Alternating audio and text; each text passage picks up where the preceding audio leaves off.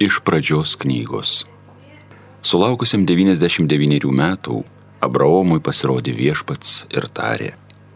Esu Elšadais, vaikščiok mano akivaizdoje ir būk tobulas. Toliau bylojo Dievas Abraomui. Tu saugok mano sandorą pats ir tavo palikonys iš kartos į kartą. O sandora, kurią jūs privalote saugoti tarp manęs ir jūsų bei tavo palikonių, tokia kiekvienas jūsų vyriškis te bus apipjaustytas. Ir dar kalbėjo Dievas Abraomui. Savo žmonos tu nebevadinsi Saraje, jos vardas bus Sara, valdovė. Aš ją palaiminsiu ir iš jos dovanosiu tau sūnų. Aš ją palaiminsiu, kad iš jos kiltų tautos, iš josios pais tautų karaliai. Tada Abraomas parpuolė kniupšęs ant žemės ir ėmė juoktis. Matys pagalvojo, Nejau šimtamečiui dar kas užgimtų, nejau devyniasdešimt metė Sara galėtų dar pagimdyti, todėl Abraomas ir tarė Dievui. Nebent Ismaelis gyvuotų tavo akivaizdoje. Bet Dievas atkirto.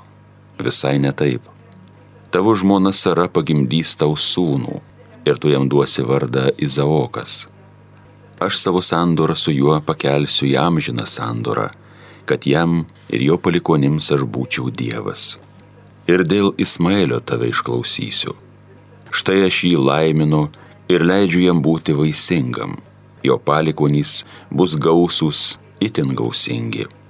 Iš jo gims dvylika kunigaikščių ir jį padarysiu didelę tautą. Bet savo sandorą aš sudarysiu su Izaoku, kurį Sara pagimdys kitais metais šituo laiku. Pabaigęs kalbėti su Abraomu, Dievas nuo jo pasitraukė. Tai Dievo žodis.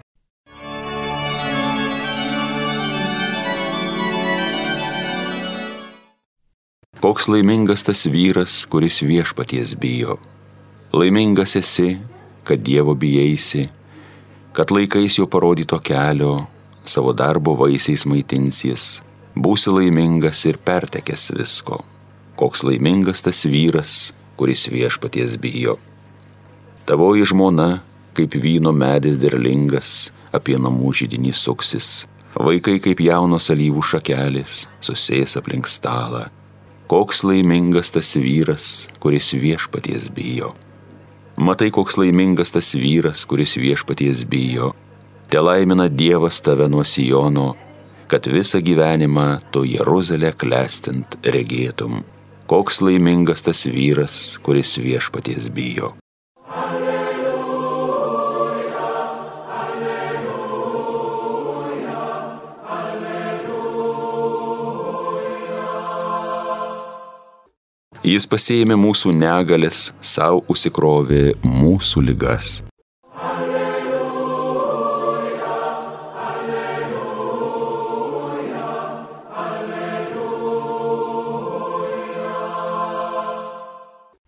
Viešpats su jumis. Pasiklausykite Šventojios Evangelijos pagal matą. Kai Jėzus leidosi nuo kalno, jį lydėjo didelės minios. Štai prisartino raupsuotasis ir parpuolė prieš jį ant žemės maldaudamas. Viešpatie, jei nori, tu gali mane padaryti švarų. Jėzus ištiesė ranką, palėtė ir tarė, noriu būk švarus. Ir to jo raupsai išnyko.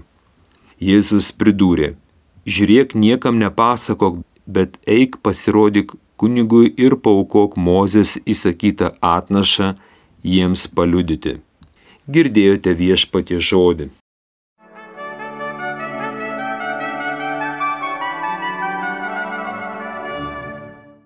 Jėzus nusileidžia nuo kalno panašiai kaip Mozė, su įstatymo plokštėmis, tik ne kaip įsakymo žodis, kurį reikia dar įvykdyti, bet kaip įsipildęs, įvykdytas, įsikūnė žodis tapęs kūnu, nužengė nuo palaiminimų kalno, kad apsigyventų, įsikūnytų kiekviename iš mūsų. Ką Jėzus ištarė kalba, tai nėra įstatymas, bet Evangelija, geroji žinia, džiugioji naujiena. Jeigu įstatymas parodo apkaltina žmogų, padariusi nuodėmę, pažeidusi įsakymą, taip žmogų paversdamas raupsuotų, Jėzus atvirkščiai Dievo įsikūnysios meilės žodis, ta nuodėmė manie sunaikina. Tavo nuodėmės tavo atleistos. Noriu būk švarus. Niekas tavęs nepasmerkė ir aš tavęs nesmerkiu. Nekaltinu, eik ir daugiau nebenusidėk. Jėzus per savo žodį, per sakramentus, krikštą, išpažintis, komuniją, išgydo mano raupsus, padaro mane naują, padovanoja naują švarų gyvenimą. Jėzus tarė žodį ir paliečia mane. Jėzus yra jaunikis, kuris vienintelis turi teisę paliesti savo nuotaką. Jėzus liečia tai, ką įstatymas ir taisyklės draudžia liesti. Jis paliečia ir viską išgydo, ištaiso perkeičia. Jėzus mano viešpas. Jis gerasis ganytojas, kuris pasiema mano raupsus negalės kaltes, kad būčiau švarus, kad būčiau naujas kūrinys. Ateik viešpatė Jėzau, Maranata. Jei nori, tu gali mane padaryti. Švarų, mano bažnyčia, mano tėvynė Lietuva, Europą, pasaulį, juos visus gali padaryti švarius. Jėzau, pasitikiu tavimi.